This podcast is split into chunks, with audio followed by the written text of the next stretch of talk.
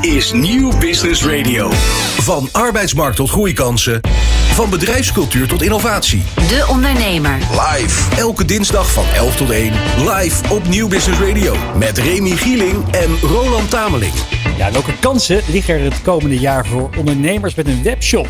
Welke ontwikkelingen zien we in de markt van pakketvervoer? Hoe maak je een businessmodel van retourverzendingen? En marktplaats gebruiken als kanaal voor jouw webshop. Hoe doe je dat? Goedemorgen en leuk dat je kijkt of luistert naar De Ondernemer Live. Vandaag met een speciale editie die geheel in het teken staat van de webwinkel vakdagen die op 29 en 30 maart plaatsvinden in de jaarbeurs in Utrecht. We hebben niet alleen een bijzonder thema vandaag, we hebben ook een hele bijzondere locatie. We zenden namelijk uit vanuit het hoofdkantoor van ONL.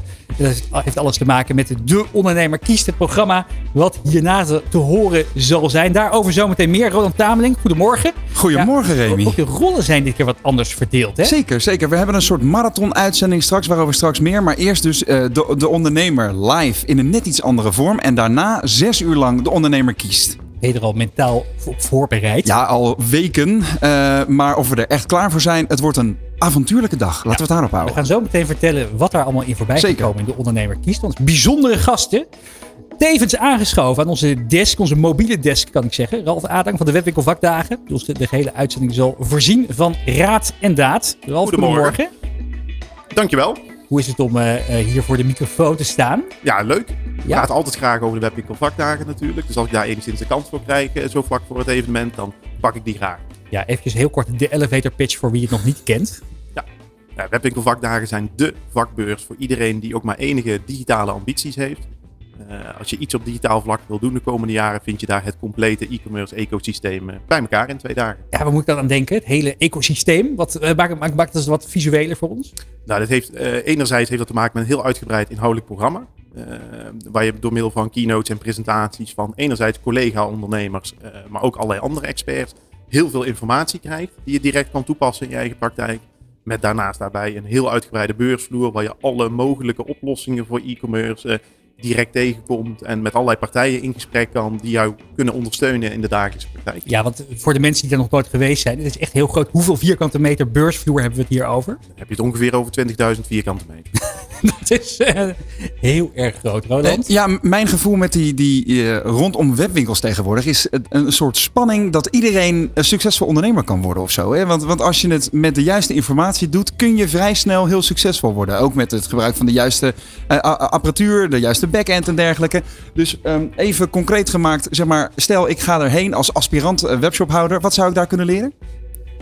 Um, ja, eigenlijk alles wat je nodig hebt om dat succes te kunnen creëren. Uh, dat verschilt voor iedereen natuurlijk waar dat precies uh, ligt. Ja. Uh, voor de een liggen de uitdagingen, die heeft misschien een moeilijk product, liggen de uitdagingen meer op het, het distributievlak, opslag, of het uitleveren of die laatste meters. En voor een andere partij, die zit weer in een heel erg niche, gaat het juist om hoe bereik je de juiste doelgroep, hoe spreek je dat aan, hoe zet je je merk goed in de markt. Ja. Nou, daarover praten we deze uitzending in De Ondernemer Live. Maar eerst gaan we naar het laatste ondernemersnieuws.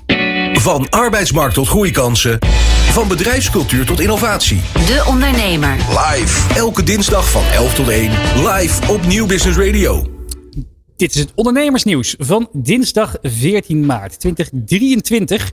En we beginnen met de toezichthouder, want de AFM doet onderzoek naar onregelmatigheden in de handel van aandelen van het gamebedrijf Azerion. In verband hiermee treedt Attila Aytekin, de topman van het uh, Amerikaanse beursgenoot of het Amsterdamse beursgenoteerde bedrijf, tijdelijk terug. En dan het aantal faillissementen is in februari weer opgelopen na een daling in januari. Dat meldt het Centraal Bureau van de voor de Statistiek, het CBS. Het aantal faillissementen uh, bleef ondanks de uh, toename laag vergeleken met de periode voor het, voor het uitbreken van corona. Dan olie- en gasconcern Saudi Aramco heeft, mede door de oorlog in Oekraïne, een recordwinst geboekt. De teller stond afgelopen jaar op ruim 151 miljard in de plus. En wie goed rekent, komt dan uit op een winst van 4.788 euro. Nog een keer 4.788 euro per seconde. Ja, dat doen zij toch uh, in, in financieel opzicht iets beter dan wij. Uh, Misschien hebben ze dat wel geleerd op de webwinkelvakdagen. Ja, Wie weet. Heel goed, heel goed. um, uh, het laatste nieuwtje inderdaad. Oh, het ene laatste nieuwtje is dit. dat gaat over de rest van de dag ook, hè, waar we het vandaag over gaan hebben. De verkiezingsprogramma's voor de provinciale verkiezingen gaan soms amper over de provincie zelf. Veel teksten blijken van elkaar gekopieerd of bevatten fouten. Dat blijkt uit onderzoek van het AD, Pointer en Nieuwscheckers. Wie vorige maand het partijprogramma van de Boer-Burgerbeweging in Zeeland las, stuitte bijvoorbeeld op een opmerkelijke paragraaf. De Zeelse afdeling sprak zich daarin uit tegen een aftakking van de Betuwe-route in de Achterhoek. En twijfelde nog over de Lelylijn van Lelystad naar Heerenveen. Navraag leerde dat de twee fragmenten uit de programma's voor Gelderland en Friesland per ongeluk naar Zeeland waren gekopieerd. Hierover dus meer in straks zes uur lang de ondernemer kiest vanaf 12 uur op deze zender. Ja, en tot slot, familieconcern SHV gaat drie van zijn acht dochteronderdelen verkopen. Het bedrijf, eigendom van de ja, geroemde ondernemersfamilie Ventener van Vlissingen, neemt afscheid van het uh, zware uh, hijswerk- en transportbedrijf Mammoet, technische groothandel Eriks en het nog, en het nog resterende deel van horeca groothandel Macro in Zuid-Amerika. Al dus het FD. Nou, dit was het ondernemersnieuws. Voor meer informatie kijk op deondernemer.nl. De Ondernemer. Live op Nieuw Business Radio. Ja, en leuk dat je nog steeds kijkt en luistert naar De Ondernemer live hier van deze speciale editie over de webwinkel vakdagen in het Ondernemershuis in Den Haag om de hoek. Ja, bij de Hofvijver en ja, het Binnenhof. hè? Ja. Want uh, dat heeft uh, ook een goede reden. Zometeen, vanaf 12 uur, gaan we namelijk tunen naar De Ondernemer Kiest. Wat in de Kamer hiernaast onder meer zal worden opgenomen. Zeker. Roland, wat gaan we allemaal zien in De Ondernemer Kiest? Ja, De Ondernemer Kiest is een, eh, een, eh, een programma wat zowel op de radio als op video wordt uitgezonden via de diverse platformen die ik eh, straks even op, op een rijtje zal zetten. En wat we daarin gaan doen is onderzoeken wat ondernemers van Nederland belangrijk vinden in de provinciale uh, statenverkiezingen en voor de waterschappen. En wat de antwoorden zijn van de verschillende politieke partijen en politici van Nederland op die vragen. Dus we verwelkomen hier de hele dag, dus zes uur lang, allerlei politieke kopstukken. Het zijn niet de minste namen. Um, en we gaan ze vragen wat zij in petto hebben voor de problemen die ondernemers van Nederland bezighouden. Daarbij maken we gebruik ook van de expertise van diverse collega's binnen de uitgeverij van onder andere het AD en de ondernemer.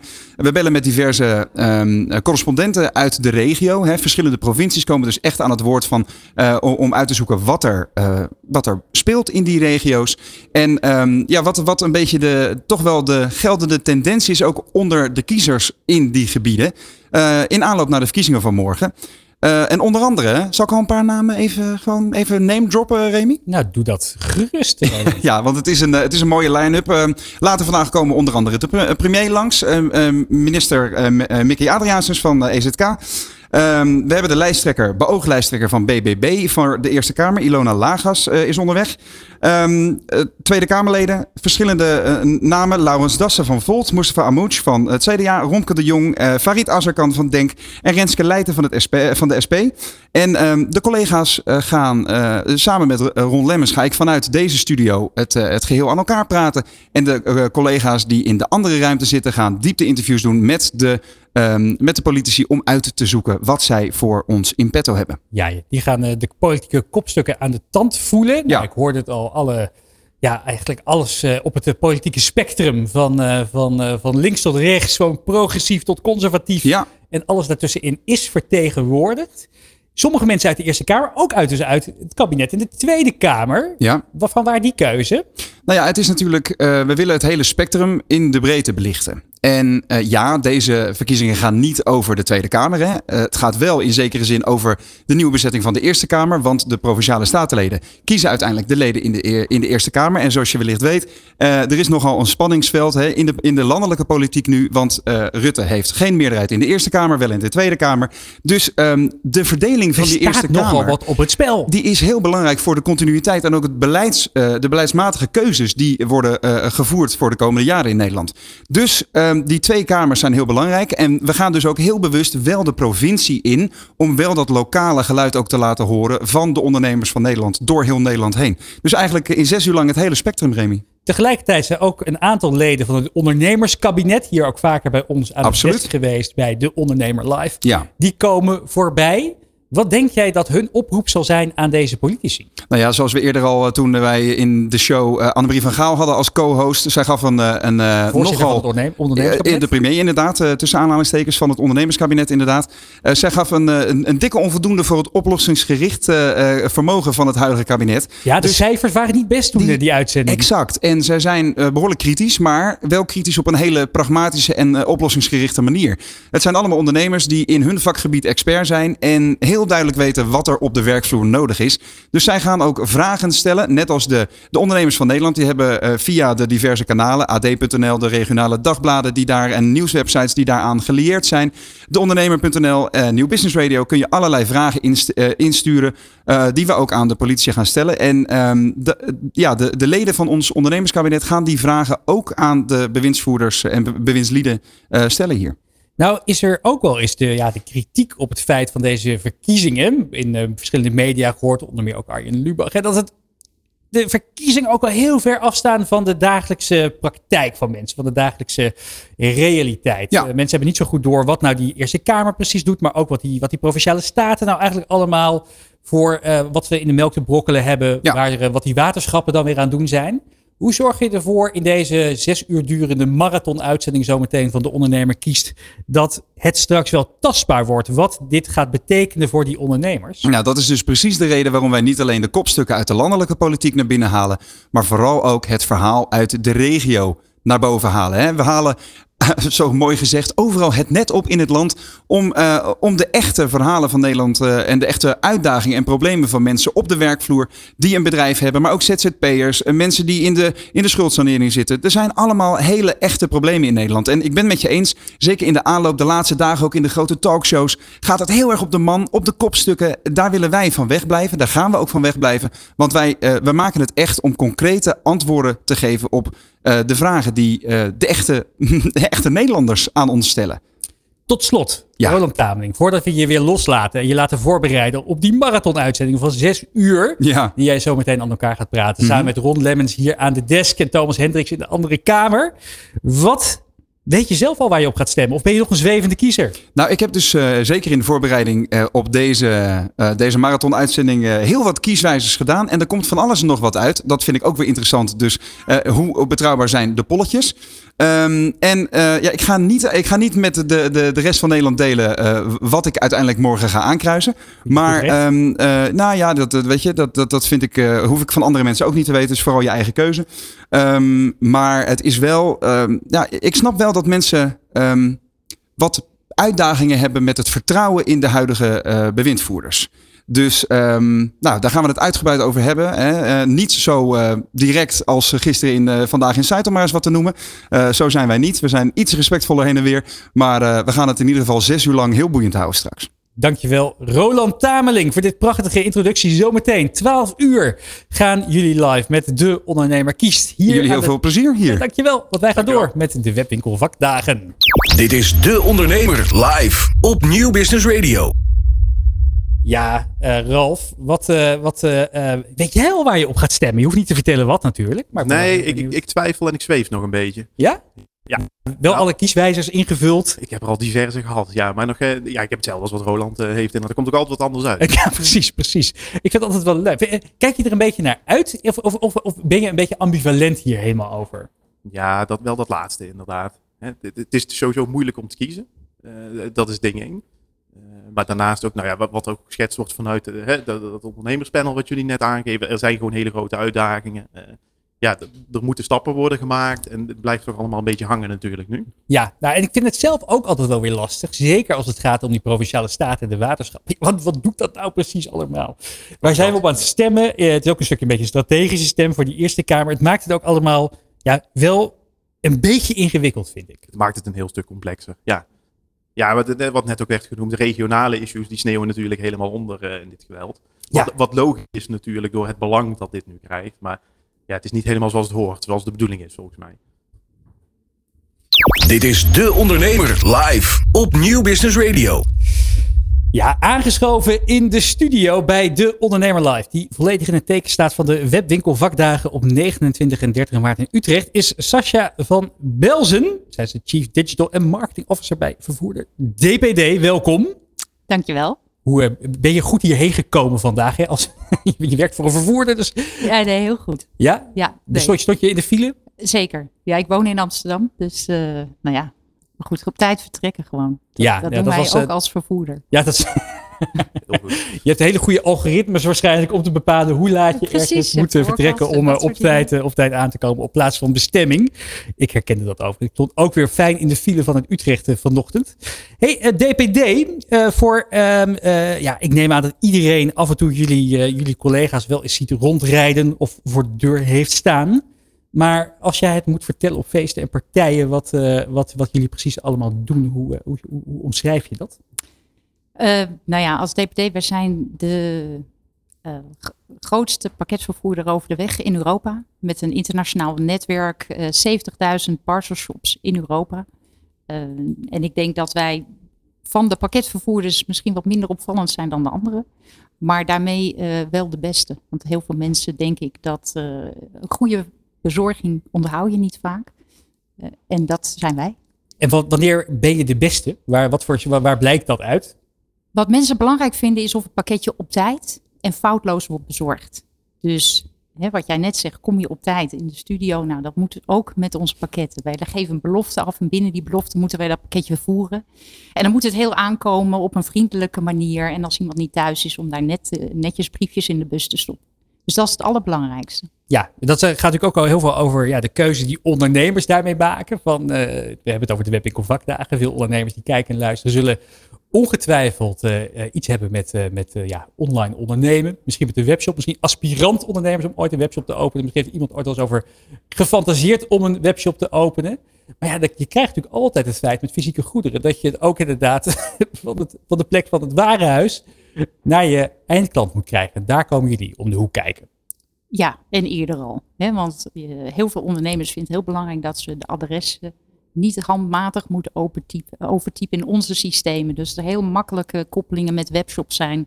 En, en dat het dan vanzelf werkt. Ja, heet ze ook in jullie branche een uitdagende periode? Denk aan inflatie, energieprijzen, personeelstekorten. Hoe gaan jullie daarmee om? Ehm, nou ja, eh, ik denk dat wij als DPD eigenlijk heel goed in staat zijn geweest om op die veranderende marktomstandigheden in te spelen. Eh, we hebben mooie resultaten in 2022 geboekt. En eh, die stijgende prijzen hebben we natuurlijk ook gezien. En wat wij hebben gedaan is geprobeerd die op een marktconforme en faire manier in onze vaste tariefstelling te verwerken. En energieprijzen, wat de grootste stijging was, ja, die berekenen wij via een toeslag. Als ze stijgen, dan stijgt onze toeslag. Als ze dalen, en dat zien we nu ook, dan daalt de toeslag ook weer. En dat is heel transparant naar, eh, naar onze online ondernemers bijvoorbeeld. Maar wat je ook ziet is dat wij natuurlijk ook het nodig hebben gedaan om efficiëntievoordelen te realiseren, om die prijzen onder controle te houden. En, en nou ja, dat gaat goed. Ja, Ralf eh, Adang aan mijn zijde van de Webwinkel Vakdagen. Hoe belangrijk zijn die vervoerders voor jullie ondernemers? Jullie helpen bij de Webwinkel Vakdagen? Nou, heel erg belangrijk. Hè. Uiteindelijk eh, leveren die een gedeelte van de belofte van die webshop. Hè. Dus de manier waarop dat gebeurt.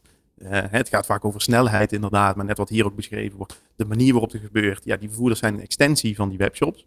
Hè. Dus heel belangrijk in dat laatste contactmoment naar de klant. Ja, Echt een onmisbare schakel. groot dat afbreukrisico daarmee ook. Hè? Dat als ook, het, eh, dat als het niet goed gaat, dan staat het direct af op, jouw eh, op jouw online toko. Ja, dat ook. Hè, maar zeker nu, eh, hè, wat op de beurs en in heel Nederland is totaliteit natuurlijk nu ook een thema, is, is duurzaamheid. Eh, nou, dit, dit soort partijen heeft daar ook enorme stappen in gemaakt. En is ook daar eigenlijk een extensie van die webshop eh, om te zorgen dat zeker die, die laatste meters en dat logistieke traject gewoon steeds groener wordt. Ja, Sascha, het, inderdaad het duurzame aspect steeds belangrijker voor, voor heel veel ondernemers en zeker ook de consumenten.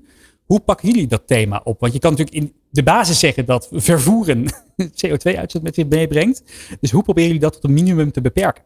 Ja, nee, dat klopt helemaal. Kijk, op twee manieren. We kijken eerst wat kunnen we zelf doen. Eh, als DPD hebben wij eh, hele ambitieuze doelen gesteld. Namelijk om in 2040 al op zero emissie uit te komen.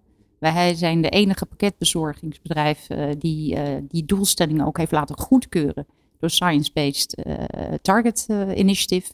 Dus dat het ook daadwerkelijk hè, groen is. Ja. Ehm, En, wat, voor, wat, voor, wat voor maatregelen moet ik dan aan denken? Nou, dan moet je denken, je hebt natuurlijk de, de elektrische bussen die het pakketje bij uh, in de last mile bezorgen. Maar ook de vrachtwagens die tussen al die locaties uh, rijden. Dus met H, HVO werken we dan. Dus, uh, maar ook binnen de sorteercentra het gebruik van, van, van verpakkingsmateriaal. En uh, wat ook, maar we doen het niet alleen zelf, we doen ook dingen met, uh, met onze klanten. Bijvoorbeeld Vinted. Nou ja, je denkt aan duurzaamheid, dan denk je aan Vinted. Maar heel veel van die tweedehands aankopen, die verdwijnen in een plastic supermarkttas. Heel wat tape eromheen. en ja, dat is niet duurzaam. Dus wij zijn er een pilot mee gestart, hoe we hun gebruikers kunnen aanzetten om herbruikbare verpakkingen die we gemaakt hebben van oud vrachtwagenzeil uh, te gebruiken. En uh, stop je aankoop daar in de pakketshop erin en de ontvanger haalt hem er weer uit. En als dat lukt, dat lijkt heel makkelijk, maar dat is het niet. Ja, dan maak je ook echt wel stappen in die hele keten. Oh, wat mooi. Ja, voor, de, voor de luisteraar en kijker die het niet kent, vindt het is die online kledingwebshop. Hè, waar consumenten onderling met elkaar uh, nou, gebruikte boeken, truien, jurken, je kan het zo gek niet bedenken, kunnen, kunnen uitwisselen. Een soort marktplaats voor kleding zou je kunnen zeggen. Pan-Europees leuke Nederlandse CEO aan het roer, notabene. Dus een fijn, uh, fijn Nederlands tintje zit daar ook aan vast. Wat komt er aan bij kijken als je zo'n pilot wil opstarten samen? Want dat is natuurlijk mooi dat je steeds vaker gaat zien dat, dat, dat partijen in zo'n keten gaan samenwerken. Ja, nee, dat klopt. Nou ja, dat, uh, uh, dat begint natuurlijk met dat je moet voor zorgen dat een parcelshophouder weet wat hij moet doen. En dat je ook aan de gebruiker uitlegt van oké, je kan je pakketje, hey, je kan je jurkje gewoon mee naar de parcelshop brengen. Dan stop je het erin, dan moet je zorgen dat het niet open gaat. Dus dat er een label overheen gaat. Dat gaat naar een, een andere pakketshop. Ja, als heel veel mensen dat in één pakketshop gebruiken, dan zijn die verpakkingen op een gegeven moment op. Ja. Dus je moet zorgen, hè, dus we hebben zo'n refurbishing bedrijf die gewoon rondrijdt bij die parcelshops om ervoor te zorgen dat die voorraad goed blijft.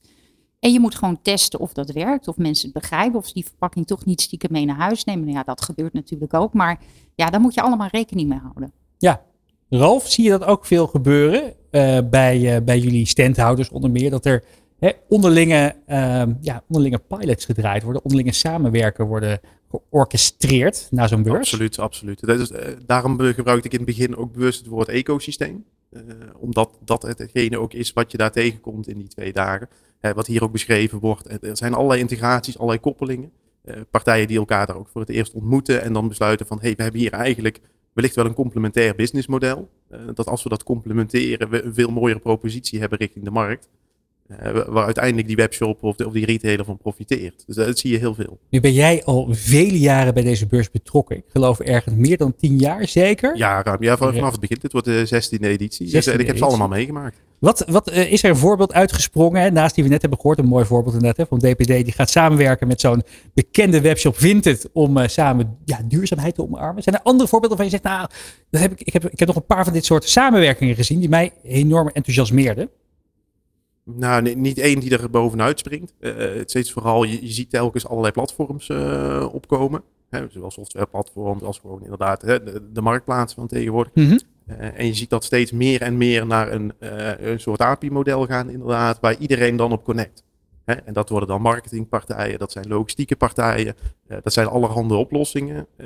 Maar juist het, creëren van een heel open uh, e-commerce ecosysteem, waar allerlei partijen in kruisverbanden met elkaar samenwerken, daar zit juist heel erg de kracht. Dat dat opener en opener wordt. Sascha, jij bent Chief Digital and Marketing Officer bij DPD. Wat voor trends zie jij plaatsvinden als het gaat over ja, online ondernemen en het verzenden van fysieke goederen? Zijn daar veranderingen in de markt te zien? Uh, ja, zeker. Nou ja, goed, we hebben zojuist ons uh, e-shopper barometer rapport uh, gepresenteerd. Dat is een onderzoek van onze moeder Geopost onder 24.000 e-shoppers in 22 landen tussen de, 16 en tussen de 18 en 70 jaar. nou ja, wat je vooral ziet is een, een, de, de enorme groei is eruit. Tegelijkertijd in Nederland valt dat nog wel mee. En we zien vooral een stijging nog steeds in, in fashion en in vers eten en drinken.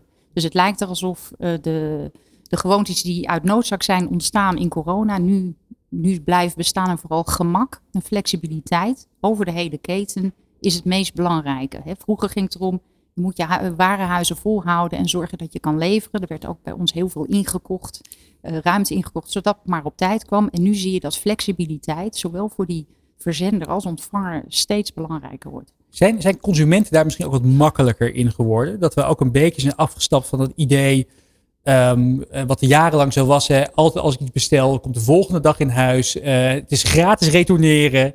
Zie je daar veranderingen in? Ehm, nou ja, eh, de ontvanger zelf vindt het natuurlijk heel fijn om keuzes te hebben. En die flexibiliteit die blijft steeds belangrijker te zijn. Dus, dus jongeren die willen het liever in een parcelshop ontvangen.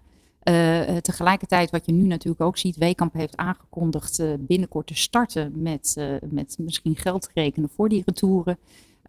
is dat dat nou ja, hè, dat dat ook vanuit verzender moet nog ja. steeds betaalbaar zijn. We willen allemaal duurzaam zijn, maar tegelijkertijd, ja, het kost natuurlijk ook geld om dingen te vervoeren. Ja, en je wil natuurlijk toch een beetje sturen misschien ook wel. En laten weten aan de consument dat zo'n retour daadwerkelijk geld kost. Misschien is die tijd van, ja, we, we, we, bestellen maar 20 jurkjes of truien of broeken in uh, verschillende maten. En we sturen de, de, de, de, de overgrote meerderheid weer terug. Misschien is dat ook wel een beetje langzaam op zijn retour aan het gaan. Wat ik wel ook zie, heel vaak als ik dan dingen online bestel, is dat er steeds vaker ook een duurzame optie erbij staat. Dan heb je de keuze maandagochtend, woensdagmiddag. Maar als je hem op, ik zeg maar wat, vrijdagochtend laat bezorgen, dat is dan de duurzame keuze.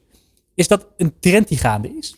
Ja, dat klopt. Um, uh, en je ziet dat, dat zeker ook, het gekke is dat dat toch wel die jongere doelgroepen zijn. Dat dat een overweging is. Zolang, uh, en die vinden het wachten op een pakketje ook minder erg dan, uh, dan mensen. Hè, als je morgen een cadeau in huis wil hebben, dan, uh, dan moet dat snel zijn. En wat je ziet is dat zij, uh, als je wat, hè, je kan dat natuurlijk oplossen door dingen wat langer te laten duren, maar ook door het in een pakketshop te laten bezorgen. En daar hebben wij ook allerlei producten voor ontwikkeld, waardoor je en goedkoop en het, in, het duurzaam kan laten bezorgen. Ja, want ik las inderdaad jullie in februari de zogeheten DPD Pickup Pass hebben geïntroduceerd. Wat is dat precies? Ja, dat is een heel mooi verhaal. Uh, als je kijkt naar onze parcelsshophouders, de grootste klacht is discussies over het, uh, dat, dat ontvangers uh, hun idee, het identiteitsbewijs moeten laten zien ja, om een pakketje mee te het. nemen. Bloedirritant. Ja, en dat loopt wel eens hoog op, ja, die, die oh, ja. discussies. Dus dan geven ze het pakketje maar mee.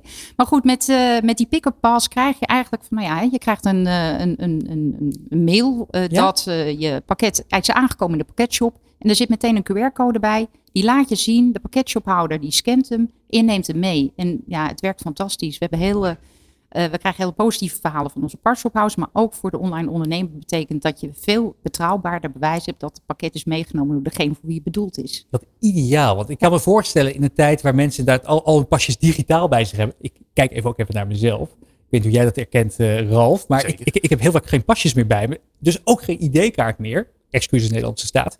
Maar uh, dus ik, uh, dit is natuurlijk een perfecte oplossing. Wat, uh, wat, wat, wat verwachten jullie hiervan? Wat, wat, wat is, de, is het ook de volgende stap in de digitalisering? Want je kan dat ook veel sneller aan de ja, webshop-eigenaar doorgeven dat zo'n pakket uiteindelijk goed is afgerond. Ja, nou ja, als het gaat om digitalisering gaat het allemaal om het verzenden en ontvangen gemakkelijker maken. En dat is, dit is een van de stappen. En wat wij willen is, wij willen het ook voor parcelshophouders interessant houden om met DPD te werken.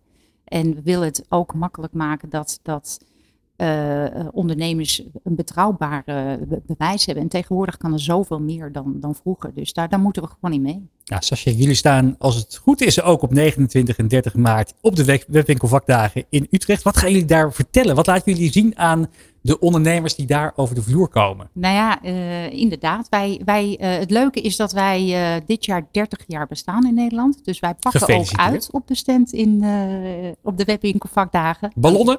Uh, ballonnen, uh, cadeautjes, uh, dat. En wij, wij presenteren ook dat e-shopper barometer rapport waar ik het net over had. Dus ja. kom zeker kijken. Ik ben heel benieuwd wat daar allemaal in te vinden is, wat daar voor inzichten uitkomen. Want het is een enorm rapport over heel veel ondernemers in talloze landen. Dus ja, representatiever wordt het bijna niet.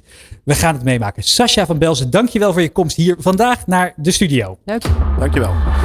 Welke verhalen schuilen er achter bekende merknamen? Uitgekookt. Fatboy, Toei. Je kent de namen allemaal. Ze komen bijna dagelijks voorbij. Maar weet je ook wat ze betekenen? Nou ja, je kan dus uitgekookt zijn, dus dat je niet meer hoeft te koken. Maar je kan dus ook uitgekookt zijn als dat je een slimme keuze maakt. Waar komen deze namen vandaan?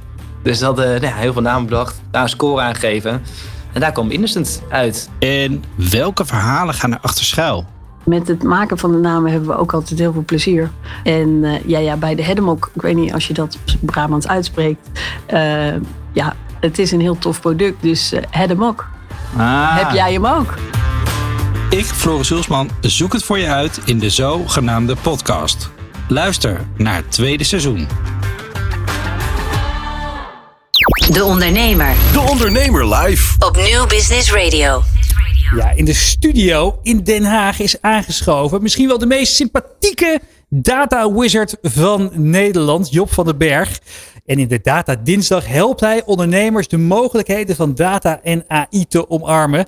En in deze aflevering, die in het teken staat van de webwinkelvakdagen, het belang van AI-gedreven klantenservice voor een succesvol e-commerce bedrijf. Ja, wat een belangrijke reden waarom e-commerce bedrijven scherpe prijzen kunnen voeren, is ontbreken van fysieke winkels, goede prijsafspraken met leverancier en een zeer efficiënt logistiek systeem met beperkte voorraden. Als je deze zaken goed op orde hebt, kan e-commerce een zeer winstgevend model zijn. Er zou bijna geen mens aan te pas hoeven te komen, zou je denken. Je hebt een sterk platform nodig dat goed vindbaar is en een doordacht logistiek systeem. Geen medewerkers in de winkel, panden in dure winkelstraten. Eigenlijk echt iets voor AI en robots. Ja en nee. En hier komen we bij een aspect van e-commerce dat nog wel eens onderschat wordt. En dat is een goede klantenservice en klantervaring. Misschien zelfs nog belangrijker dan het platform zelf. Dat is steeds meer een randvoorwaarde.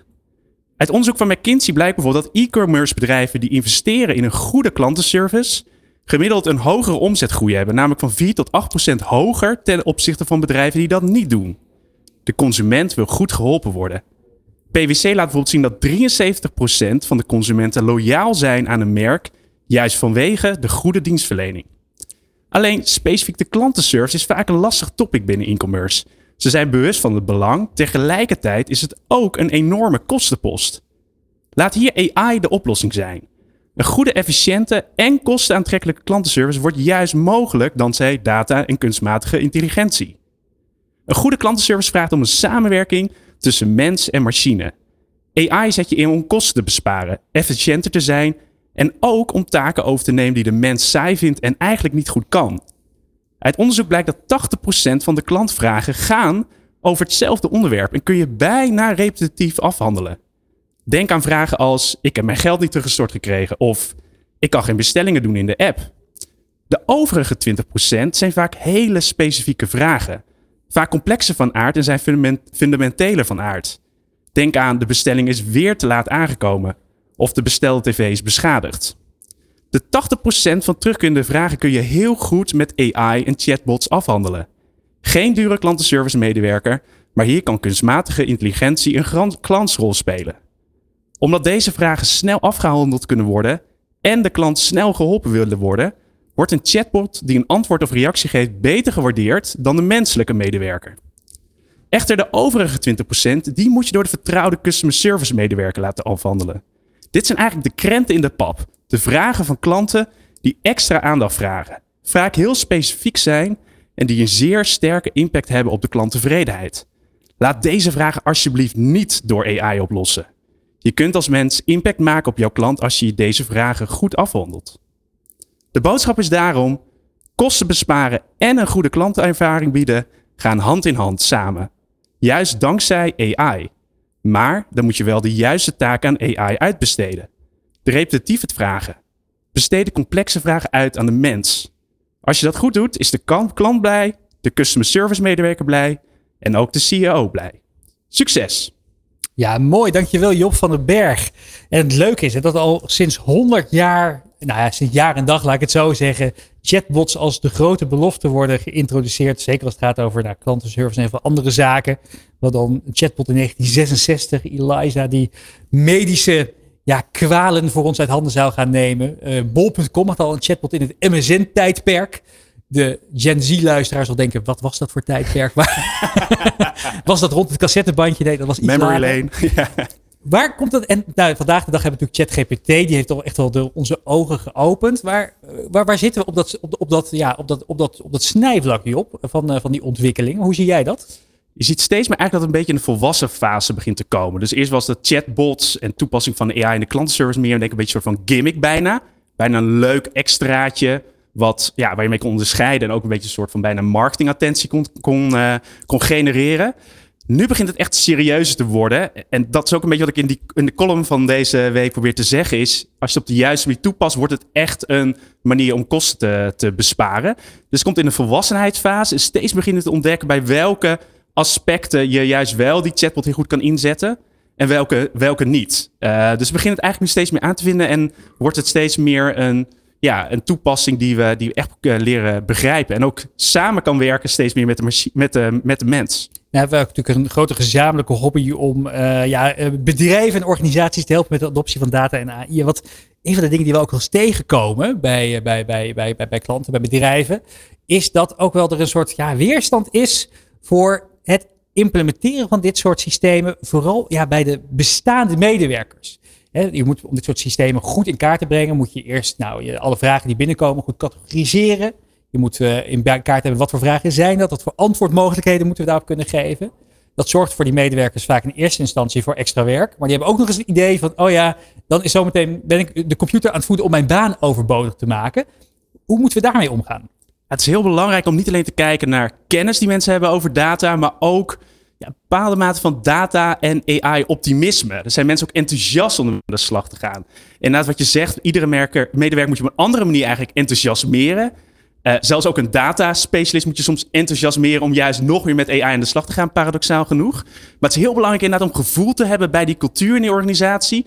En snappen wat iemands positie is in, die, in het bedrijf. En op basis daarvan uit te leggen waarom data en AI juist heel veel kan brengen. En hoe dat ook past in de rol en de taak die diegene heeft eh, in de organisatie. Dus dat cultuurstuk is eigenlijk heel belangrijk, wordt soms ook nog wel eens onderschat. Ja, Ralf, een kleine zijstap. Want naast uh, ja, de, de, de, de orchestrator van de webwinkel vakdagen hebben jullie ook nog eens de Big Data Expo die jullie dat, organiseren. Ja, dus jij weet ook helemaal alles van de hoed en de rand als het gaat over de kansen en ook de uitdagingen als het gaat over de inzet van data en AI voor ondernemers.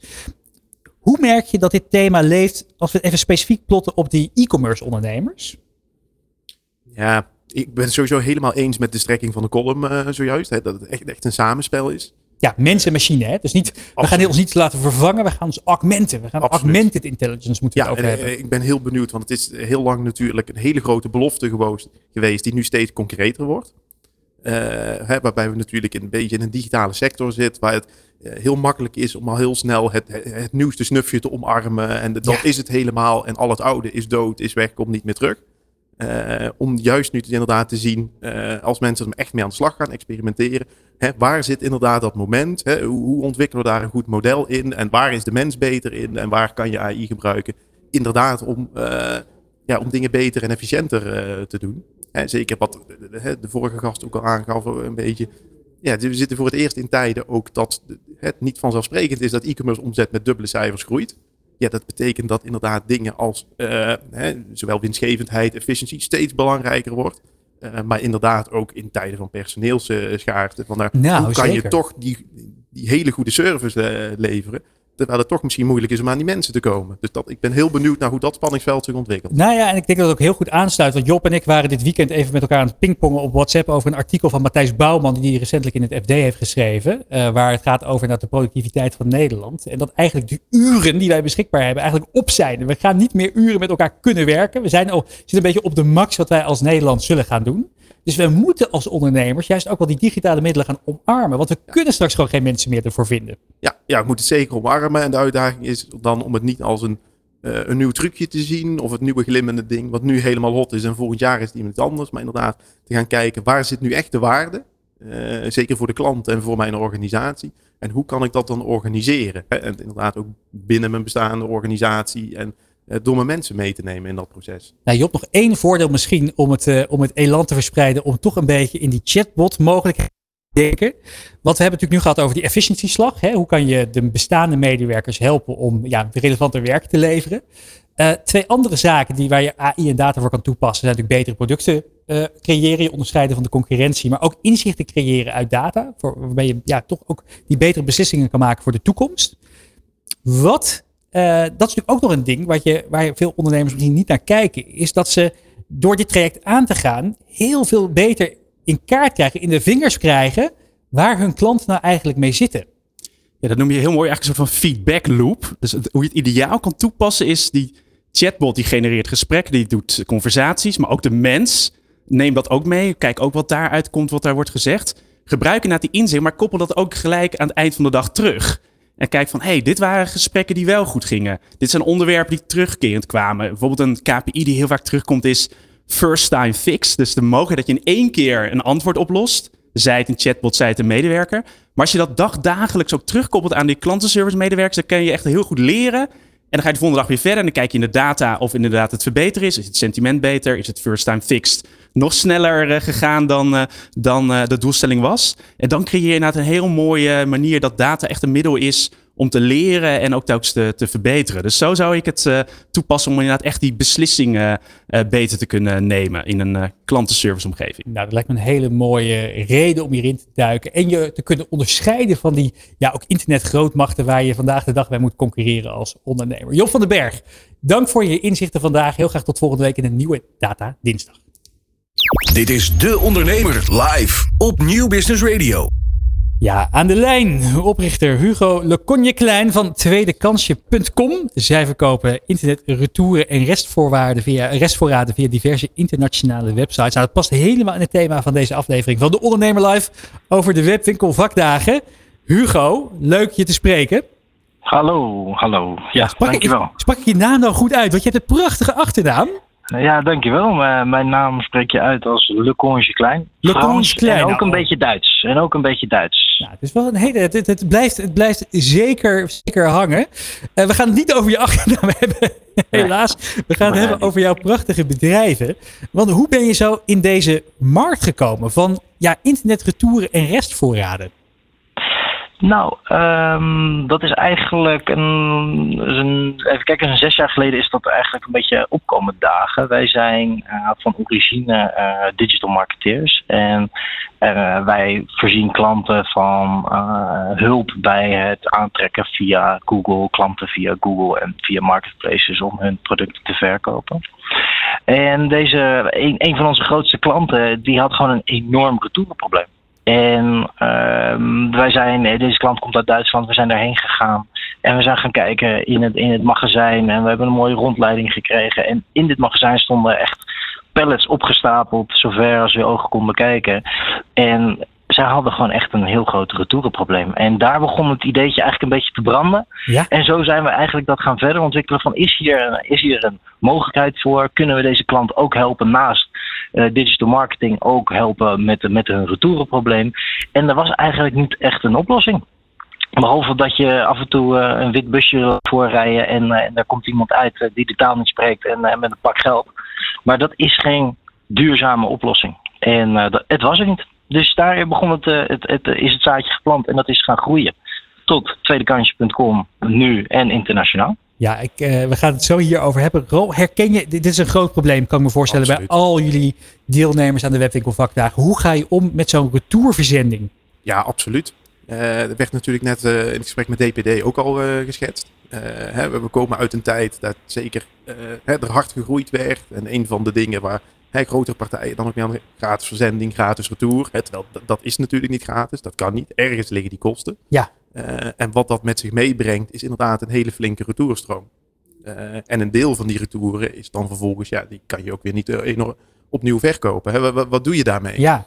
Wat, dus, ja, ik kan me ook voorstellen dat heel veel consumenten eigenlijk niet doorhebben wat er gebeurt op het moment dat je iets terugstuurt.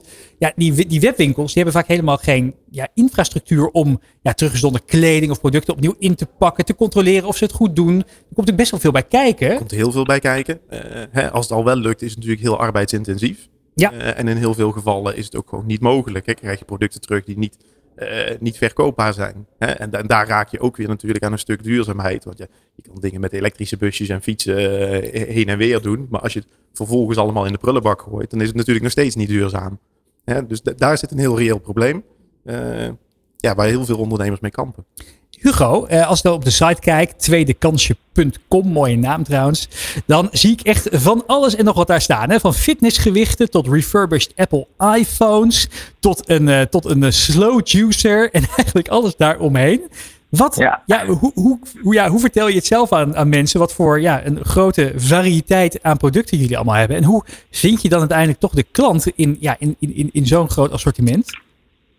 Nou ja, kijk, wij, um, uh, ons assortiment breiden we dagelijks uit. Er komen steeds meer klanten die eh, geïnteresseerd zijn in onze dienst. En wij kunnen daarmee ons assortiment steeds meer verbreden of verdiepen. Uh, en deze artikelen die, die bij ons op de website komen te staan, ja, die, die, die krijgen een, een, strenge controle van ons. En deze strenge controle die, die, die voeren wij uit in ons magazijn. En elk artikel wat eigenlijk bij ons binnenkomt, ja, wordt, in, in, wordt eigenlijk 100% gecontroleerd op, beschadigingen en volledigheid. Zodat de volgende koper die bij ons op de website uh, zit, blij weer wordt van het artikel. En wij halen deze klanten binnen via Google. Wij zijn digital marketeers. Wij kunnen klanten naar onze website toe te lokken. En, uh, en verleiden om, om toch te kiezen voor een duurzamere oplossing. Om toch een nieuw artikel te kopen. Maar let niet op de beschadigde doos. Ja. Wat ook al eerder is aangegeven met al die retourenstromen. Van ja, je kan het niet meer nieuw verkopen. Maar wij kunnen het wel als tweede kans artikel verkopen op onze website. Nee, dat is natuurlijk veel beter dan dat dat ergens in de afvalbak belandt. Wat natuurlijk met heel veel, ja, helaas toch, uh, toch producten gebeurde in het, uh, in het verleden. Kan je even voor mijn beeld, uh, Hugo. Hoe ziet, jullie, yeah. hoe ziet jullie magazijn eruit? Want ik kan, er staan natuurlijk zoveel verschillende producten. Als je daar rondloopt, wat zie je dan allemaal? Nou ja, je ziet, je ziet pallets staan met restvoorraden. Dus dat zijn allemaal eenzelfde soort artikel opgestapeld. Maar je ziet ook heel veel tweedekantjes. Heel veel tweedekantjes. Ja. Want dat is het hart van ons, ons bedrijf. Die dus, tweedekantjes een tweede leven te geven. Dus, dus de barbecue en, staat, naar de, staat naast de strandballen. En, de, en, en die staan weer naast de, naast de reiskoffers. Exact. En je moet een beetje denken aan grote artikelen bij grote artikelen, middelgroot bij middelgroot en klein bij klein. En dat is, daar is een beetje de, de scheiding uh, gemaakt. Dan wordt het nog per categorie bij elkaar gezet, zodat je makkelijk uh, in een bepaalde hoek kan zoeken. Maar alles heeft zijn eigen locatie. Dus als wij een product verkopen die een klant heeft besteld via onze website, dan weten wij precies in het magazijn hoe lang dit artikel daar ligt, waar die ligt en dat we hem uh, moeten pakken en hoe we hem moeten verpakken om hem goed bij de klant weer aan te, uh, aan te bieden. Want hoe, hoe schaalbaar is uiteindelijk dat businessmodel? Want je hebt enerzijds natuurlijk heel veel ruimte nodig.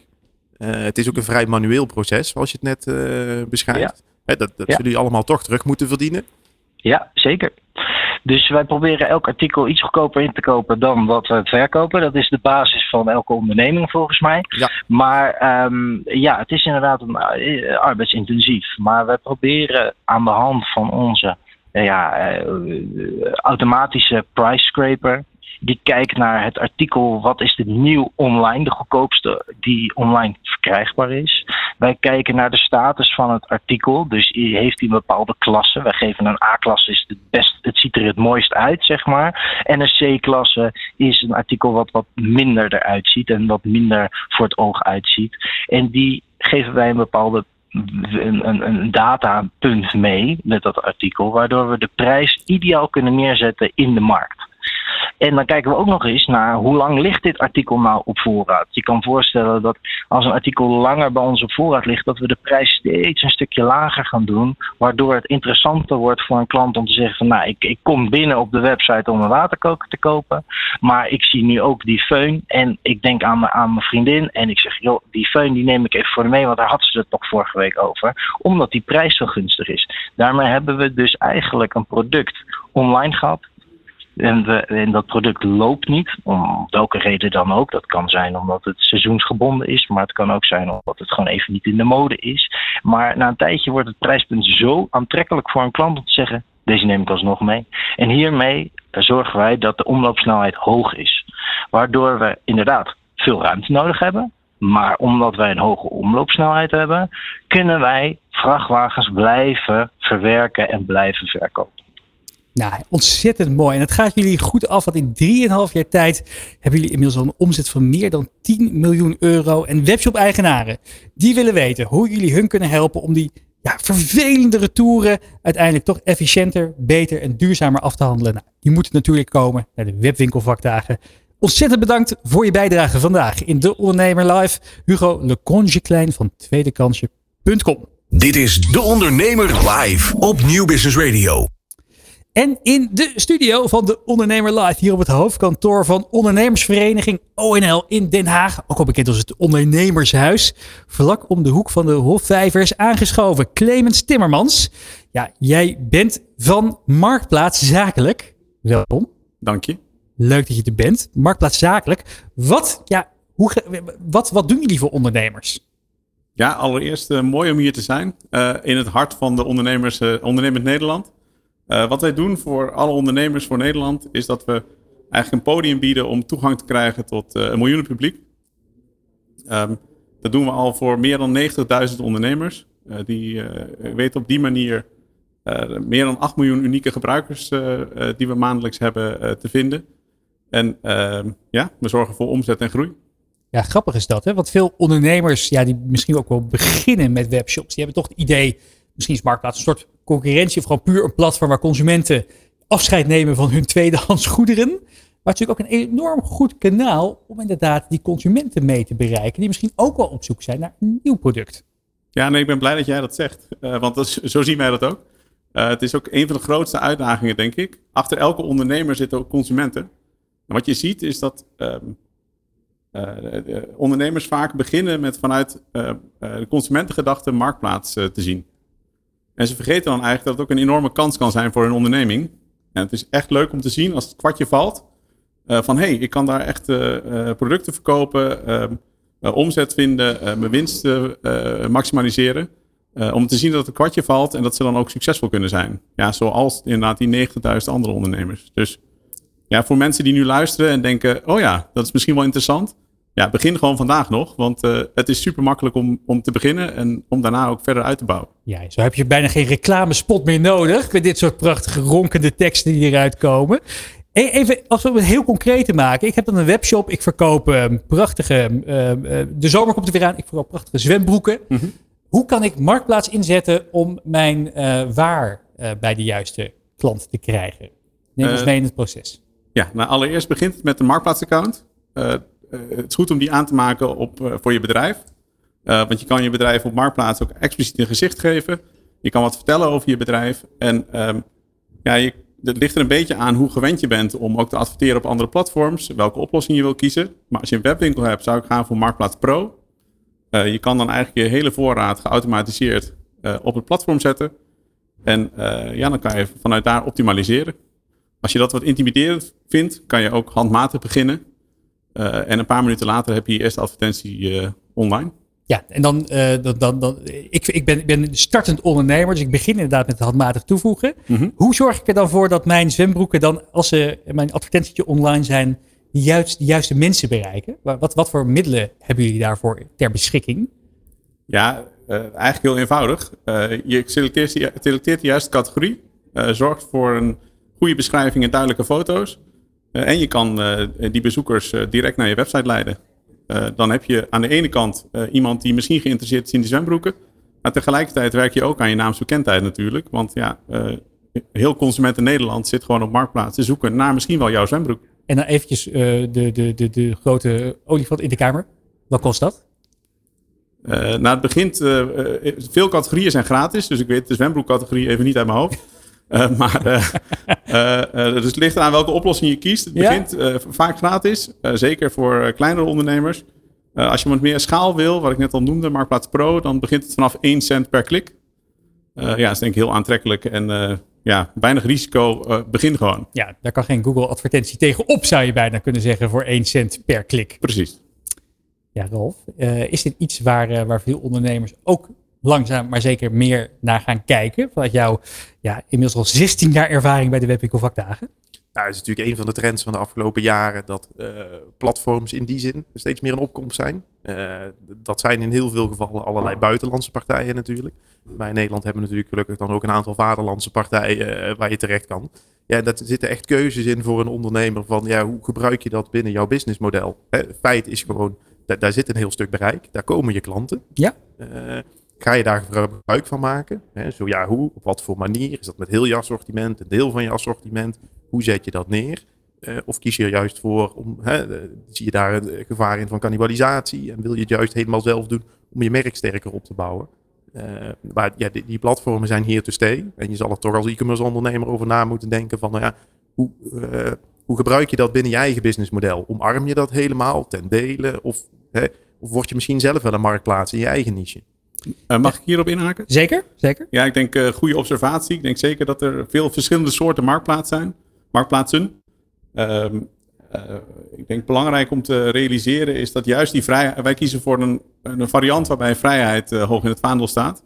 Dus als je een fysieke winkel hebt, kan je verkeer- letterlijk naar je fysieke winkel krijgen. Net zoals hgskis.nl bijvoorbeeld doet. Ze hebben ook een website, maar in de drukke maanden staat 70% van de bezoekers eh, in hun fysieke winkel komt via Marktplaats. Eh, of je kan op Marktplaats zelf handelen, of je kan naar je webshop sturen. Eh, je kan zelf je advertentieteksten invullen. Dus er is gewoon heel veel vrijheid om zelf te kiezen hoe jij inderdaad met ons wil samenwerken. en hoe je succesvol kan zijn. En dat is bij andere platformen wel anders. Nee, maar als ik ehm, eh, ook bij jullie kijk, dan zie ik dat jullie ja, ook echt ondernemers centraal stellen. Ondernemers in het zonnetje zetten, zou ik bijna willen zeggen. Ondernemers die succesvol hebben geprofiteerd van die mogelijkheden van marktplaats zakelijk. Wat, voor, wat, wat zijn de resultaten daarvan geweest? Dat je dus niet alleen maar je product aan het vertellen bent, maar ook laat zien wat voor effect het heeft gehad bij anderen. Eh, ja, dat, is- dat doen we zeker. We hebben eh, afgelopen najaar zijn we een ondernemerscampagne inderdaad gestart. eh, waarbij we zoveel mogelijk ja, dat kwartje willen laten vallen, ook bij die ondernemers. Ja. Eh, Show, don't tell. Hè? Laat zien, laat zien hoe, wat voor effect het heeft. Precies, ik denk dat dat ja, uiteindelijk veel belangrijker is dan het verhaal dat ik nu vertel. Ehm, ja, wat we gezien hebben is dat. eh, Wat was er één, één verhaal wat je echt is bijgebleven daarvan? Ja, er zijn er meerdere. Ehm een belangrijke is eh, een verhaal van, ehm, eh, van Daan Engelen van 95%. Eh, die zal ook op Wetwinkel Vakdagen te zien zijn. Je kan met hem praten natuurlijk, maar hij zal ook eh, geïnterviewd worden over hoe je eigenlijk kan groeien inderdaad op Marktplaats. En hoe je je groeipad als ondernemer ook verder kan, eh, kan uitstippelen. Wat zijn verhaal interessant maakt is eigenlijk dat hij een kans zag ehm, in eh, eh, ehm, het opknappen van, van schoenen. die als retouren aangemerkt werden bij schoenwinkels, omdat ze 95% goed waren. En eh, ja, hij was in staat om die op te knappen en vervolgens te verkopen. Ja, en inmiddels eh, ziet hij Marktplaats als de aorta van zijn bedrijf. Eh, ja, dus we leiden heel veel verkeer naar hem toe, zorgen voor groei. Kort geleden begonnen, nu al 15 werknemers. En ja, de, de, het groeit tegen de klippen op. Nou, wat een mooi verhaal om meer over te horen op 29 en 30 maart tijdens de webwinkelvakdagen in, in Utrecht. Daar ga je, daar, ja, je hebt natuurlijk daar ook, daar kan je vragen stellen als je ondernemer bent en je wil weten wat Marktplaats Zakelijk je allemaal kan brengen. Dan kunnen ze jou daar de hemd van het lijf vragen. Ja, en dat kunnen ze zeker. Als je vandaag begint, kun je dan nog extra advies krijgen van al onze experts. Dus ga alvast experimenteren. Dan kan je dan op de webwinkelvakdagen de deep dives maken. Dankjewel Clemens Timmermans van Marktplaats Zakelijk. Het eerste uur van De Ondernemer Live zit er alweer op. Zo dadelijk praten we onder meer over het automatiseren van ja, toch wel een beetje saaie fiscale zaken bij internationalisering. Hele handige oplossing is daarvoor bedacht. We praten uiteraard over die webwinkelvakdagen. Wat daar allemaal te zien en te horen is. We blikken ook vooruit naar de Business Mobility Week eind deze maand. En horen we ondernemer Sharon Hilgers in gesprek met Roelof Hemmen. Mis het niet. Tot zometeen. Dit is Nieuw Business Radio. Van arbeidsmarkt tot groeikansen. Van bedrijfscultuur tot innovatie. De Ondernemer. Live. Elke dinsdag van 11 tot 1. Live op Nieuw Business Radio. Met Remy Gieling. Ja, en de vaste kijker en luisteraar zal wel denken met Remy Gieling. Waar is die Roland Tameling gebleven? Hij is ineens een heel stuk kleiner geworden. Hij is een heel stuk kleiner geworden. Dat ego is helemaal teruggekrompen tot het eh, niveau van een kleine Skoda. Fabia. Maar gelukkig, wees niet getreurd, want zometeen vanaf 12 uur kan je hem en heel veel andere collega's van de ondernemer zes uur lang horen bij het programma De Ondernemer Kiest. Hier vanuit het Ondernemershuis in Den Haag. Kijk je af. Wij praten het komende uur. Hè, wij, Ralf, jij bent van de Webwinkel Vakdagen. Klopt. Wij praten het komende uur nog eventjes eh, met elkaar door over ja, wat, ja, die, wat het internet kan betekenen voor ja, online ondernemers. Hoe kan je je klanten bereiken? Hoe kan je je producten het beste verkopen? Welke digitale kanalen zijn er eigenlijk allemaal? Nou, we gaan het ook hebben. We gaan eh, bellen met ondernemers. We gaan het hebben over automatisering. We praten door over jullie fantastische beurs die op 29 en 30 maart voor de 16e keer. De zestiende keer alweer. 16e keer ja. alweer in de jaarbeurs in Utrecht zal plaatsvinden. We blikken ook vooruit naar de Business Mobility Week. En we horen ondernemer Sharon Hilgers in gesprek met Roelof Hemmen. Mis het niet, we gaan weer snel van start. Dit is De Ondernemer live op Nieuw Business Radio. Ja, wat, eh, ehm, als je kijkt naar die, ja, die trends van ondernemers. ehm, wat, wat zijn nou de belangrijkste ontwikkelingen die jij ziet het afgelopen jaar toen we een beetje uit die COVID-tijd zijn gekomen? Nou, dat is eigenlijk het aanpassen aan nieuwe marktomstandigheden. Dat inderdaad, eh, we zijn in die COVID-periode natuurlijk kei en keihard gegroeid allemaal. Eh, en de verwachting was misschien dat blijft alleen maar doorgaan. Eh, maar dat, dat heeft nou toch een plafond bereikt. Ja, dat creëert toch een andere dynamiek in die markt. En je zal andere keuzes moeten gaan maken. Dat zie je dus ook echt bij die, onderne die online ondernemers. Want we zagen natuurlijk in de coronatijd dat heel veel ja, fysieke ondernemers last hadden van lockdowns. Geen mensen kunnen vinden die in de bediening zaten. Maar zelfs die online ondernemers hebben dus last van uh, ja, gedaalde omzetten, stijgende energieprijzen. Zeker, ja. Krapte op de, op de arbeidsmarkt. Ook dat, zeker. Dat zal nog wel de hele tijd blijven. Ja. En hoe probeer jullie daar een, een, ja, een, een bijdrage in te leveren om in ieder geval de mogelijk, vooral te kijken naar de mogelijkheden en niet te blijven hangen in, ja, wat, wat, in, ja, in de misère die er om ons heen hangt? Ja, ik denk dat dat het belangrijkste is. Hè.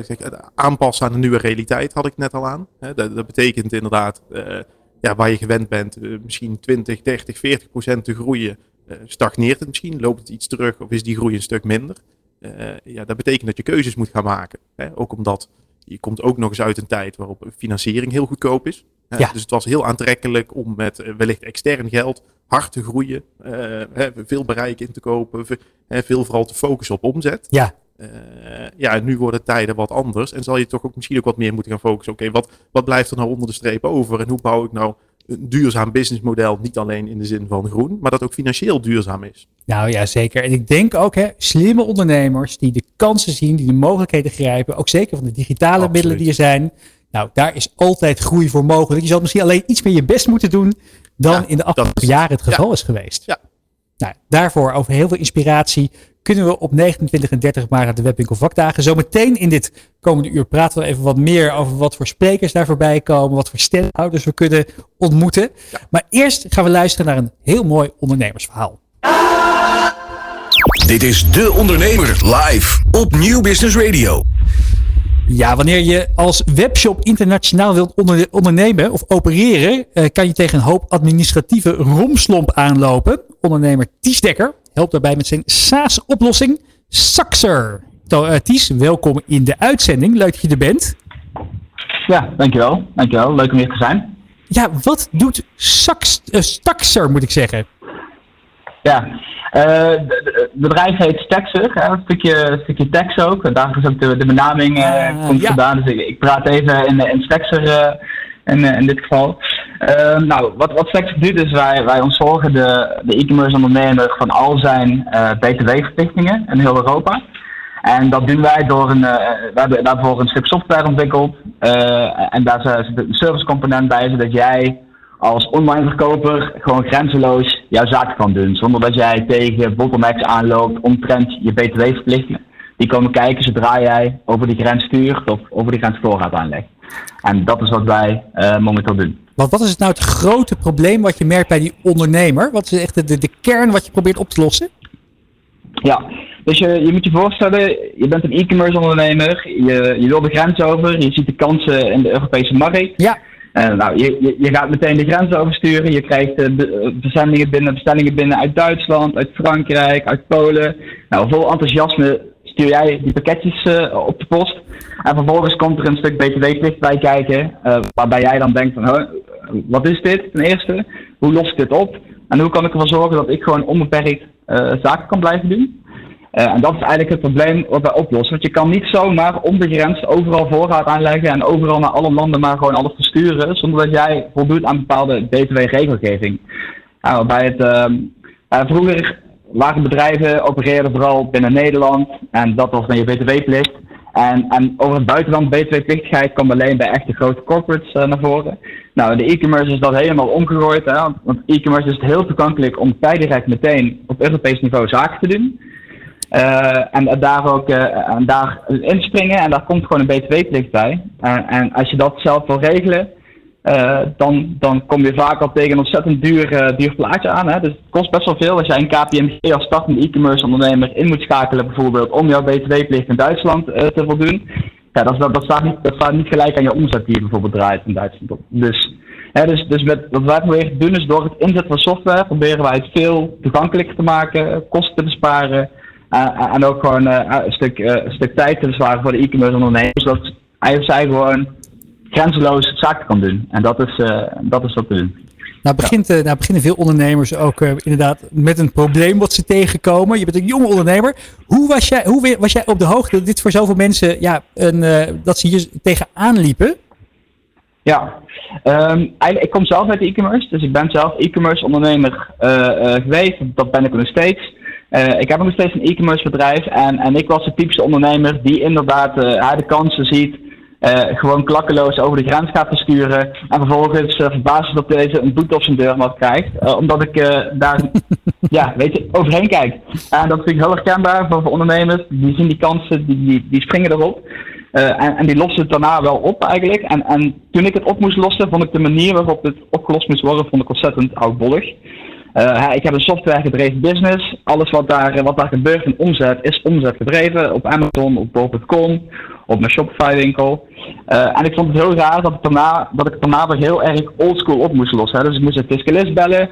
Nou, die had wat Excel sheets nodig. Nou, die kreeg vervolgens weer door vijf uur eh, eh, calculatiefacturen eh, gestuurd.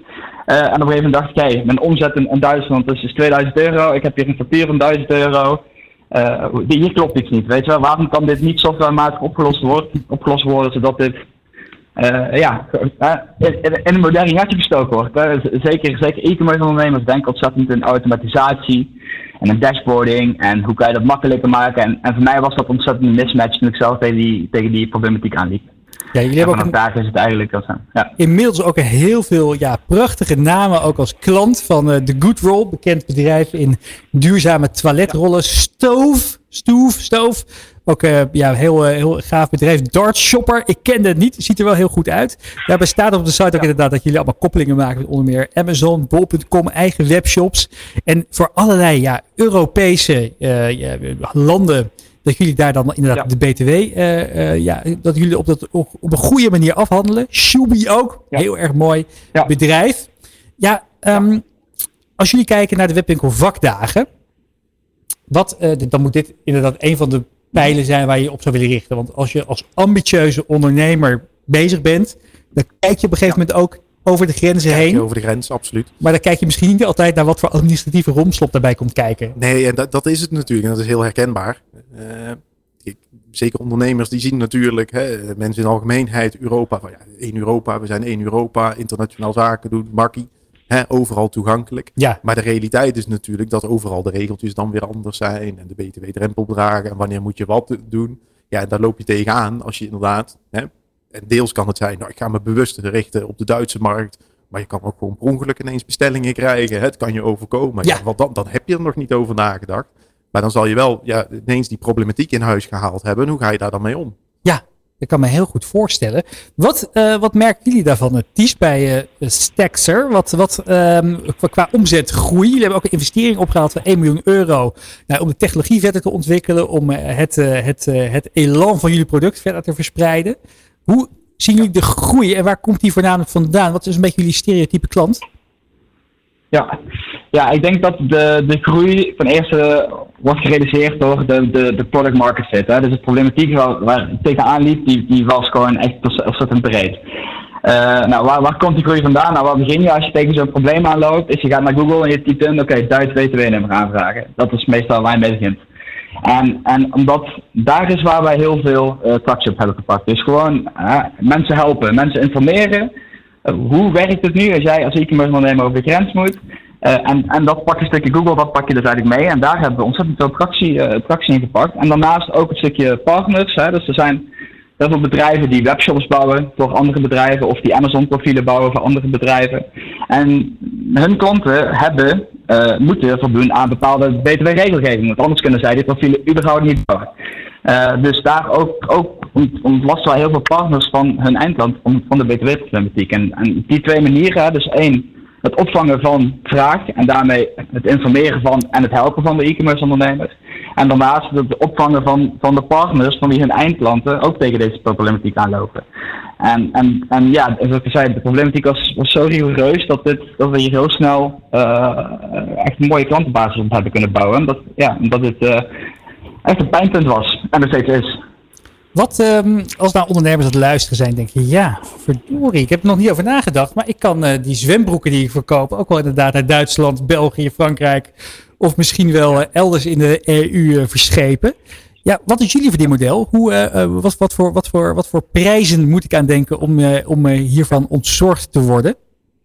Ja, dus we hebben eigenlijk is ons verdienmodel twee onderdelen. De ene kant is, is het gebruik van de software. hè. Dus jij, jij kan je Amazon en je Shopify en Bol.com account automatisch eh, koppelen aan onze software. Vanaf daar gebeurt heel de calculatie. Dus oké, hoeveel btw moet je nu betalen in Duitsland? Dat gebeurt allemaal in die software. Eh, en vervolgens kan je besluiten, en dat is, daar betaal je dus voor, eh, op, op maand, op transacties. Hoe groot je omzet is, hoe, hoe, meer, je, eh, hoe, meer je ervoor gaat betalen. En daarnaast kan je besluiten, oké, nu heb ik dat nummertje in handen. Ik moet namelijk 100 euro gaan betalen in Duitsland over Q1. En daarna kan je bepalen, oké, wil ik dat zelf aangeven aan de Duitse Belastingdienst? Of laat ik dat Stexer doen? Dat is eigenlijk de servicecomponent. En daar betaal je dan ook voor. Dus, je kan, dus de meeste klanten zullen zien, eh, die, die willen totale ontzorging. Dus die betalen één voor de software. En daarna, dus de totale automatisatie. En daarna voor de service. Want ja, ik weet zelf ook niet hoe ik een belastingaangifte moet doen in Spanje, in Polen, in Tsjechië. In, maar de meesten nemen dat erbij af. Dus zo krijg je eigenlijk een, een totaalpakket van, van de klant waarbij een stukje software wordt afgenomen en een stuk service. En daarmee heb je totale ontzorging in handen. Doen jullie dat puur voor B2C-ondernemingen of ook voor B2B-bedrijven? Ehm, nou, het, is echt, echt op particulier verkoop gericht. Dus, dus e-commerce ondernemers die aan particulieren verkopen. Dat is echt waar onze focus zit.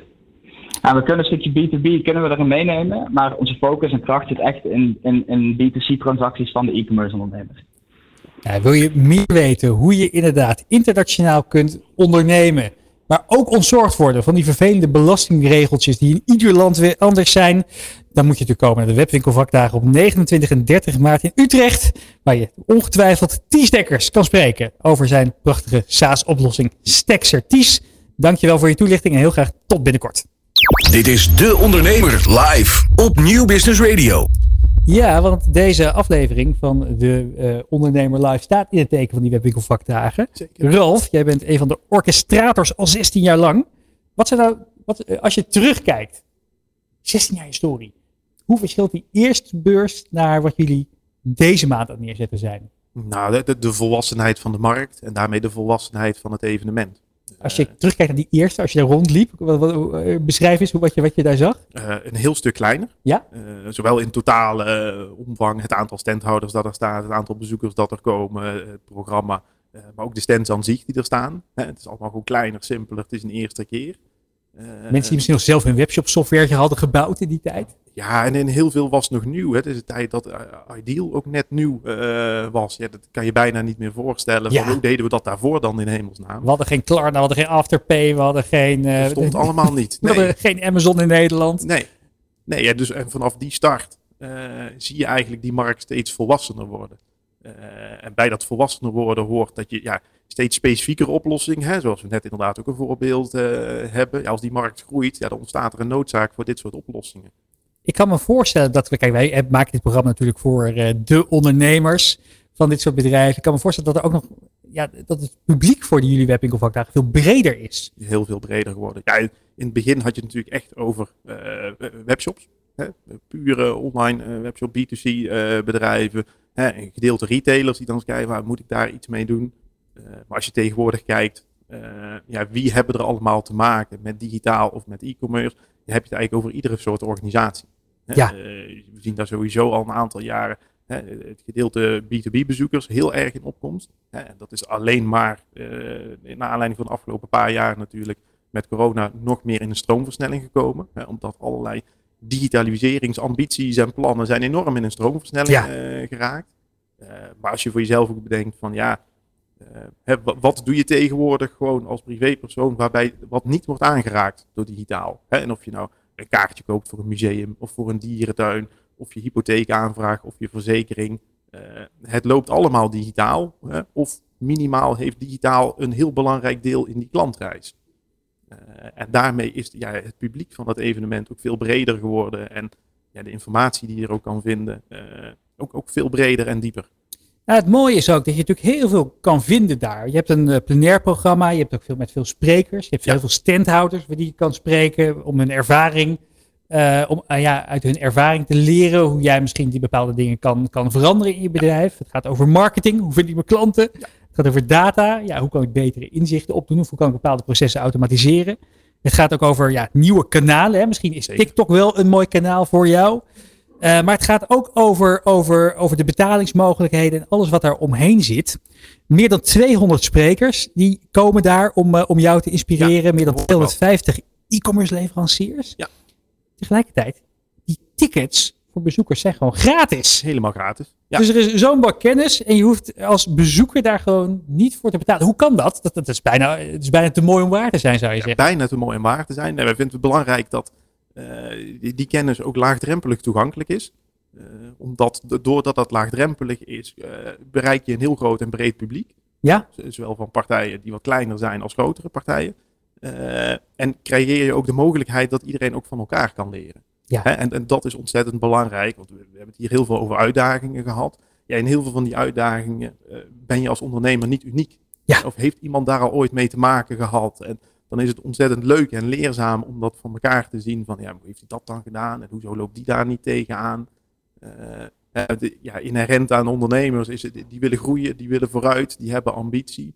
Ja, nou, je hoeft niet altijd het wiel helemaal zelf uit te vinden. Maar dan kan me voorstellen dat je als ja, ondernemer die daar komt, of als marketeer die daar wil van leren, dat je denkt, nou, dit, er, is, er is zoveel kennis hierop te doen. Dit- dit- hoe, hoe kan dit nou gratis zijn voor mij? Bij jullie moet de schoorsteen toch ook roken? Ja, dat, moet- dat moet hij zeker. Eh, En dat is inderdaad die, al die standhouders en die exposanten, sponsoren die daar staan. Ja. ja, die betalen daar natuurlijk voor. En die zorgen er eigenlijk voor dus dat jij als bezoeker daar gewoon Klopt. Dankzij gratis... hun is dat evenement gratis. Ja. Dat is dan bij het mooie cadeau kan je het jaar bijna niet mee beginnen, ja, zou je kunnen zeggen. Als je in ieder geval eh, online ambities hebt om te groeien. Nou, dan zijn er zo'n wilde aan, eh, aan kennis. Meer dan 10.000 bezoekers staan er ook, hè? Ja. Wat, ehm, ehm, ik kan wel, je leeft daar naartoe een heel jaar lang. Want jullie dit één keer per jaar doen jullie dit al 16 jaar lang. Hoe gaat het in de organisatie? Ik kan me voorstellen dat, dat, je, dat, je, dat het echt weer begint te kriebelen op een gegeven moment. Ook. Oh, het is weer bijna zover. ja, dat ze, naarmate het evenement dichterbij komt, dan, dan neemt die, die spanning ook lekker eh, toe. Eh, maar dit is echt een evenement waar we ook het heel het jaar door mee bezig zijn. Eh, juist omdat het zo'n uitgebreid programma ook is, dat je altijd ook bezig bent van oké, wat, wat kunnen we toevoegen? Hè? Wat is nu relevant? Hoe kunnen we dat doen? Welke, hè, welke vorm moet dat naar voren komen? Wat zijn belangrijke thematieken? Hè? En hoe stel je nou een leuk en interessant programma samen? Ja. Eh, en hoe zorg je er uiteindelijk voor dat, eh, ja, dat, bekend is bij mensen? Hè? Dat, dat ze op bezoek komen en dat ze een goede match hebben met uiteindelijk de, die partijen die daar staan. Hè, Want het is natuurlijk het is een heel groot aanbod. Eh, ja, je wil ook uiteindelijk dat daar een bepaalde match tot stand komt. Dat je naar huis gaat. Eh, doordat je connecties hebt gemaakt, dingen hebt geleerd, oplossingen hebt gevonden. En denkt van, eh, yes, hier kan ik mee verder. Hier heb ik iets aan. Ja, precies. Want als we even gaan kijken naar een aantal van die verhalen die dan te vinden zijn. Want het is lijkt me ook weer lastig als je daar dan komt. Er is zoveel. Ja. Je moet een keuze gaan maken. Je moet gaan kiezen. Gegeven Ja. een soort keuzestress krijgt. Dat je voor dat, dat grote schap staat. En dat je denkt, nou ja, welke van die 200 granola pakken moet ik Ja, meenemen. ja, om thuis een beetje goed voor ja. de dag te komen. Maar wat voor, ja, wat voor verhalen zijn hier te horen? Ik zag, hele, ik, ik zag inderdaad bijvoorbeeld dat de CEO van Stove, hè, een bekende, bekend online product, komt, komt vertellen. Zeker. Daar zijn we heel blij mee, heel trots op. Eh, het programma bestaat eigenlijk uit een aantal onderdelen. Eh een van die onderdelen is eh, het keynote-programma.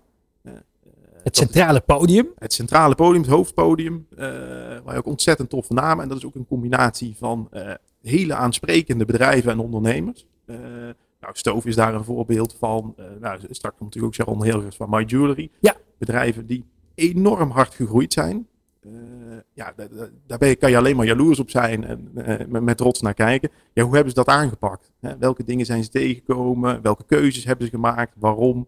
Hè, hoe, hoe kijken zij tegen nou ja, ook al die, de uitdagingen waar we het straks over hebben? Hoe kijken ze daar tegenaan? Welke strategie hebben zij voor de toekomst? Eh, en dat ook gecombineerd weer met ja, allerlei andere eh, experts. Hè, een aantal weken terug heb natuurlijk John Lin hier nog gehad met specifiek een blik op, eh, op China.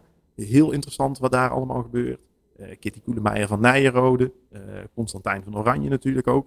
Eh, die komt met enorm veel kennis eh, van die Nederlandse tech. Hè, en hoe je nou ook een bedrijf eh, internationaal opschaalt. Hè, en ook groter denkt daarin. En daarin een cultuur eh, creëert.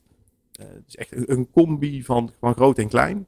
Eh, met daarnaast nog een parallel programma waar je echt gewoon eh, allerlei sessies tegenkomt. Die gewoon wat meer specifiek zijn. Ja.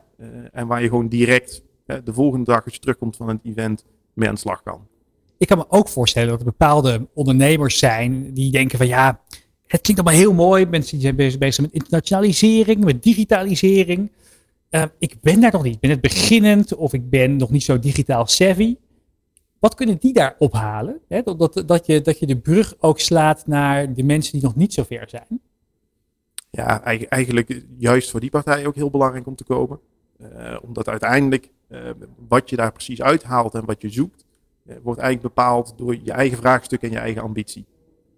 Hè, en de ondernemer die jij schetst, ja, die zal vaak heel erg behoefte hebben juist aan de juiste partners die wellicht op allerlei domeinen meer kennis hebben dan dat hij momenteel of zij momenteel zelf in huis heeft. die je dan inderdaad ja, die missende puzzelstukjes kunnen leggen, zodat je wel door kan schalen. Hè? Welke aanpassingen moet je maken in je bedrijf? Zit dat ja. in assortiment, zit dat in marketing, zit dat in branding, zit dat in doelgroep, zit dat in logistiek? Hè? Welke keuzes moet je nou gaan maken? En hoe moet je nou inderdaad al die ontwikkelingen die eraan komen eh, interpreteren en een plek geven binnen je organisatie? Ja, heel erg mooi, heel erg mooi. Het leuke is ook, hè, dat ja, ik denk die variëteit die er is van ondernemers. Van Tony Chocolonely, die ook gaat hebben over impact maken in de B2B-markt. We kennen het allemaal als, een, als, een, als, het, als, het, als het merk chocola wat we ja. pakken bij de Albert Heijn of een andere supermarkt. Ja. Maar ze hebben ook een hele grote B2B-tak, waarbij ze met personalisatie ja, een hele grote nieuwe doelgroep uh, ja. aan, uh, aanboren. Dat je ja, je eigen bedrijfswikkel zou kunnen krijgen. Nou, dat is natuurlijk een hele mooie. En ze gaan vertellen nou ja, hoe, je, hoe zij dat hebben aangepakt en wat voor learnings ze daaruit hebben gehaald. Het gaat ook over Reflower, een uh, abonnement op kunstbloemen bijvoorbeeld. Ja, het, het, lijkt me zelfs voor jou bijna lastig om te gaan kiezen waar je die dag zelf naartoe gaat. Ja, je zou eigenlijk alles willen vol, volgen, maar dat is helaas onmogelijk. Ja. Hey, uh, mensen die aan het luisteren zijn, die denken, goh, interessant. Ik wil eigenlijk daar wel heen. 29 of 30 maart in Utrecht. Tickets zijn gewoon te krijgen, toch? Die zijn helemaal gratis via webwinkelvakdagen.nl. Nou, geen reden dus om daar niet naartoe te gaan, zou ik zeggen. Sluit ik mij volmondig bij aan. Ja, nou, zo dadelijk gaan we luisteren naar Roelof Hemme, die in gesprek gaat met uh, ja, ook online ondernemer Sharon Hilgers bij Selfmade in Holland. Um, en ik moet ook eventjes zeggen voor de kijker en luisteraar dat je vooral eventjes eind deze maand in de gaten moet houden. Want niet alleen de webwinkel vakdagen zijn dan, dan is ook de Business Mobility Week bij de ondernemer. Die uh, geldt ook van 27 tot met 31 maart online. Iedere dag twee uur radio en televisie over uh, de toekomst van bedrijfsmatig vervoer. Ga daar dus vooral ook uh, een kijkje nemen als je niet bij de webwinkel vakdagen bent. Zometeen vanaf 12 uur luister je de hele middag naar De Ondernemer Kiest. In het teken van de Provinciale Statenverkiezingen. Heel benieuwd. En de waterschappen. Met de Roland Tameling, Ron Lemmens en vele anderen. Wij zwaaien hier af vanuit uh, dit ondernemershuis in Den Haag.